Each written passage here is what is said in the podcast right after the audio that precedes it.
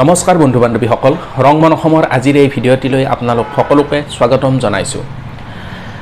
আজি হ'ল আঠাইছ ফেব্ৰুৱাৰী। সমগ্ৰ ভাৰতবৰ্ষতে আজিৰ এই দিনটোক ৰাষ্ট্ৰীয় বিজ্ঞান দিৱস হিচাপে পালন কৰা হয়। এই সম্পৰ্কে আজি আমি কিছু কথা আলোচনা কৰিম গতিকে আহক আজিৰ এই ভিডিঅ'টো আমি আৰম্ভ কৰোঁ। ফ্ৰেণ্ডছ আপোনালোক সকলোৱে জানে যে আমি মানৱ জাতি ৰাতিপুৱা উঠাৰ পৰা ৰাতি শুবলৈ যোৱালৈকে যিবিলাক বস্তু ব্যৱহাৰ কৰোঁ তাৰ প্ৰতিটো বস্তুতেই বিজ্ঞানৰ অৱদান আছে। বিজ্ঞান অবিহনে বৰ্তমান সময়ত আমি এখোজো আগবাঢ়িব নোৱাৰোঁ।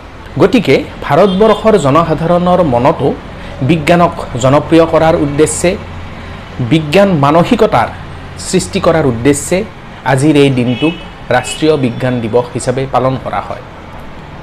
ঊনৈছশ আঠাইছ চনৰ আজিৰ এই দিনটোতে প্ৰসিদ্ধ ভাৰতীয় পদাৰ্থ বিজ্ঞানী চি ভি ৰমন ডাঙৰীয়াই তেখেতৰ বিশেষ আৱিষ্কাৰ ৰমন প্ৰভাৱৰ আৱিষ্কাৰ আজিৰ এই দিনটোতে তেখেতে কৰিছিল আৰু ইয়াৰ লগত সংগতি ৰাখিয়েই ঊনৈছশ ছিয়াশী চনৰ পৰা আজিৰ এই দিনটোক প্ৰতি বছৰে বিজ্ঞান দিৱস হিচাপে পালন কৰা হয়। ফ্ৰেণ্ডছ এতিয়া আমি চাওঁ আহক সেই মহান বিজ্ঞানী চি ভি ৰমনৰ বিষয়ে কিছু কথা তেখেতৰ জীৱনৰ ওপৰত আমি আলোচনা কৰোঁ। তেখেতৰ জন্ম হৈছিল ওঠৰশ আঠাশী চনৰ সাত নৱেম্বৰ তাৰিখে তামিলনাডুৰ তিৰুচিলাপল্লী নামৰ এখন ঠাইত।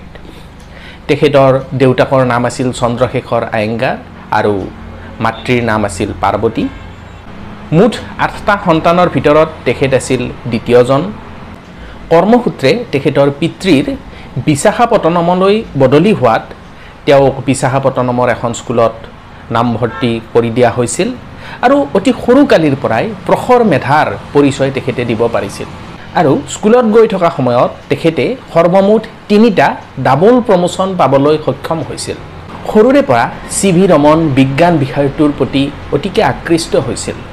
তেওঁ বিজ্ঞানৰ সৰু সৰু যিবিলাক ব্যৱহাৰিক কাৰ্য আছে সেইবিলাক ঘৰতে কৰিছিল। আনকি সৰুকালিতে তেওঁ নিজ হাতে এটা ডাইনেমো সাজি উলিয়াইছিল। তেওঁ নিজৰ বন্ধুসকলক আৰু সৰু সৰু ল'ৰা ছোৱালীসকলক মাতি আনি বিজ্ঞানৰ কথাবিলাক ভালধৰণে বুজাই দিছিল। তেখেতৰ পিতৃ এজন অধ্যাপক আছিল আৰু পিতৃয়ে গ্ৰন্থ সংগ্ৰহটো তেখেতৰ হবি আছিল। আৰু চি ভি ৰমনে তেখেতৰ পিতৃয়ে সংগ্ৰহ কৰা সকলোবোৰ কিতাপ পঢ়ি শেষ কৰি পেলাইছিল। চি ভি ৰমনৰ পিতৃৰ সংগীতৰ প্ৰতি এক বিশেষ ৰাপ আছিল। ইয়াৰ ফলত চি ভি ৰমনৰো সংগীতৰ প্ৰতি এক বিশেষ ৰাপ গঢ় লৈ উঠিছিল। আজৰি সময়ত তেওঁ যথেষ্ট পৰিমাণে সংগীত শুনিছিল আৰু সংগীতৰ যি বাদ্যযন্ত্ৰ ইয়াৰ প্ৰতি তেওঁৰ এক বিশেষ আকৰ্ষণ গঢ় লৈ উঠিছিল। ঊনৈছশ চনত তেওঁ সুখ্যাতিৰে মেট্ৰিক পৰীক্ষাত প্ৰথম বিভাগত উত্তীৰ্ণ হৈছিল। সেইটো সময়ত তেখেতৰ বয়স আছিল মাত্ৰ এঘাৰ বছৰ। ঊনৈছশ তিনি চনত তেখেতে মাত্ৰ চৈধ্য বছৰ বয়সত চেন্নাইৰ প্ৰেচিডেঞ্চি কলেজত বি এত নামভৰ্তি কৰিছিল। আৰু যেতিয়া তেওঁ প্ৰথম ক্লাছত গৈছিল তেতিয়া তেখেতৰ যিটো শিক্ষক আছে শিক্ষকে ক্লাছৰুমত সোমাই ইমান সৰু চৈধ্য বছৰীয়া ল'ৰা এজনক যেতিয়া ক্লাছত দেখিলে তেওঁ আচৰিত হৈ সুধিছিল যে তুমি ভুল ক্লাছত সোমাই আহিলা কিজান তেতিয়া চি ভি ৰমনে বিনম্ৰভাৱে উত্তৰ দিছিল যে ছাৰ এই শ্ৰেণীটোত বহিবৰ কাৰণে মই উত্তীৰ্ণ হৈ আহিছোঁ। গতিকে আপোনালোকে অনুমান কৰিব পাৰিছে যে কিমান কম বয়সতে কেনেকুৱা ধৰণৰ এক মেধাৰ পৰিচয় চি ভি ৰমনে দিবলৈ সক্ষম হৈছিল? ইয়াৰ পিছত ঊনৈছশ চাৰি চনত তেখেতে এম এত নামভৰ্তি কৰিছিল আৰু এম এ পঢ়ি থকা অৱস্থাতে ঊনৈছশ ছয় চনত ফিলচফিকেল মেগাজিন বুলি এখন বিখ্যাত মেগাজিনত তেখেতৰ পদাৰ্থ বিজ্ঞান সম্পৰ্কীয় এটা ৰিচাৰ্চ আৰ্টিকল তাত প্ৰকাশ পাইছিল। আৰু ইয়াৰ ফলত সকলোৱে তেখেতক প্ৰশংসাৰে উপচাই পেলাইছিল। এম এ পৰীক্ষা সম্পূৰ্ণ কৰি তেখেতে কলিকতাত বিত্তীয় প্ৰশাসনিক পদত এক চাকৰিত নিযুক্ত হৈছিল আৰু এনেকুৱা এক সময়তে তেওঁ বৈবাহিক জীৱনো আৰম্ভ হৈছিল। তেখেতৰ পত্নীৰ নাম আছিল লোকসুন্দৰী। এই চাকৰিত যোগদান কৰিয়েই তেওঁ সৰু সুৰা বৈজ্ঞানিক পৰীক্ষা কৰিবৰ কাৰণে নিজাকৈ এটা বৈজ্ঞানিক লেবৰেটৰী তৈয়াৰ কৰি লৈছিল। ইয়াৰ পিছত ঊনৈছশ সোতৰ চনত তেখেতে কলিকতা বিশ্ববিদ্যালয়ত পদাৰ্থ বিজ্ঞানৰ অধ্যাপক হিচাপে নিযুক্তি লাভ কৰিছিল। পদাৰ্থ বিজ্ঞানৰ অধ্যাপক হিচাপে কাম কৰি থাকোঁতে তেখেতে পদাৰ্থ বিজ্ঞানৰ অতি জটিল বিষয়বোৰ অতি সহজ সৰলভাৱে ছাত্ৰ ছাত্ৰীসকলক বুজাই দিছিল আৰু ইয়াৰ ফলত তেওঁ ছাত্ৰ ছাত্ৰীসকলৰ মাজত বিশেষভাৱে জনপ্ৰিয় হৈ পৰিছিল।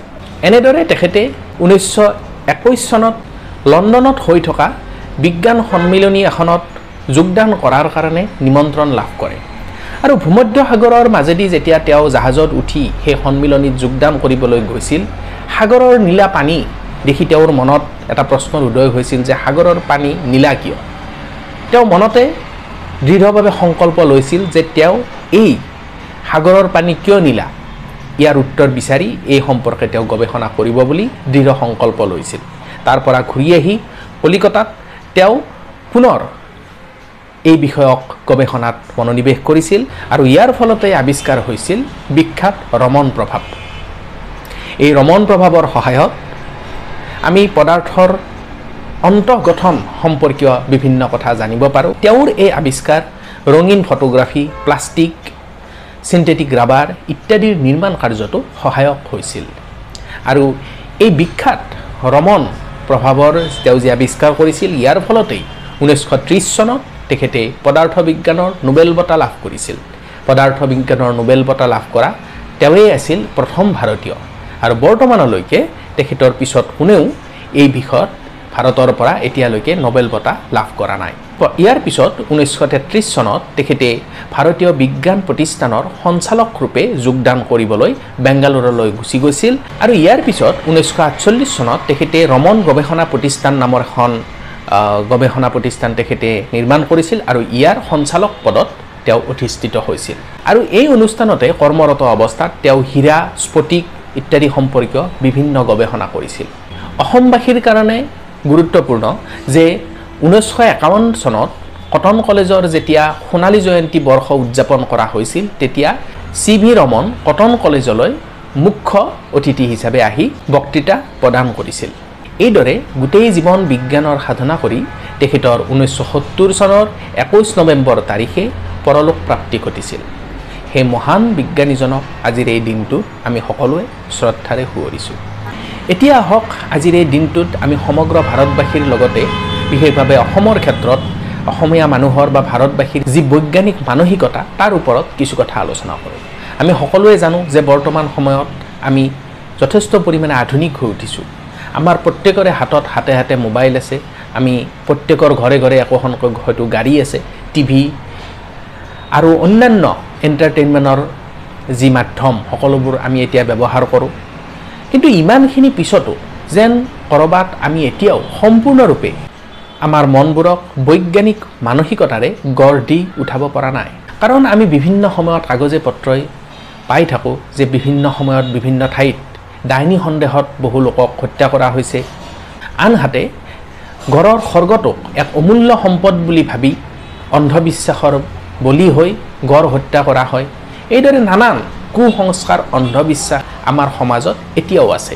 গতিকে আজিৰ এই বিজ্ঞান দিৱসত আমি সকলোৱে সজাগ হ'ব লাগিব সচেতন হ'ব লাগিব আৰু আমাৰ মনটোকো বিজ্ঞান মানসিকতাৰে গঢ় দিব লাগিব। তেতিয়াহে আমি আমাৰ সমাজৰ পৰা এই কুপ্ৰথা অন্ধবিশ্বাস ইত্যাদিবোৰ দূৰ কৰিব পাৰিম। লগতে বিজ্ঞান শিক্ষাকো আমি জনপ্ৰিয় কৰিব লাগিব। এতিয়াও দেখা যায় যে বিজ্ঞান পঢ়া ছাত্ৰ ছাত্ৰীৰ সংখ্যা বৰ্তমান সময়তো যথেষ্ট কম আছে। গতিকে আমি প্ৰোৎসাহন তেখেতসকলক দিব লাগিব যাতে ছাত্ৰ ছাত্ৰীসকলে বিজ্ঞান পঢ়ি সমগ্ৰ মানৱ জাতিৰ উন্নতিৰ কাৰণে এই বিজ্ঞানক প্ৰয়োগ কৰে আৰু ন ন উদ্ভাৱনৰ জৰিয়তে মানৱ সভ্যতাৰ বিকাশৰ পথত আগুৱাই যোৱাত সহায় কৰে। গতিকে আজিৰ এই ভিডিঅ'টোত আমি ভাৰতৰ বিজ্ঞান দিৱস সম্পৰ্কে কিছু কথা আলোচনা কৰিলোঁ। আশা কৰিলোঁ আপোনালোকে আজিৰ এই ভিডিঅ'টো চাই ভাল পালে। যদি ভিডিঅ'টো চাই ভাল পালে আপোনালোকে লাইক কৰিব আৰু কেনে পালে কমেণ্টত জনাব। লগতে চেনেলটো ছাবস্ক্ৰাইব কৰিব। অহা খণ্ডত পুনৰ এক নতুন বিষয় লৈ অহাৰ প্ৰতিশ্ৰুতিৰে আজিলৈ বিদায় লৈছোঁ। আপোনালোকক বহুত বহুত ধন্যবাদ।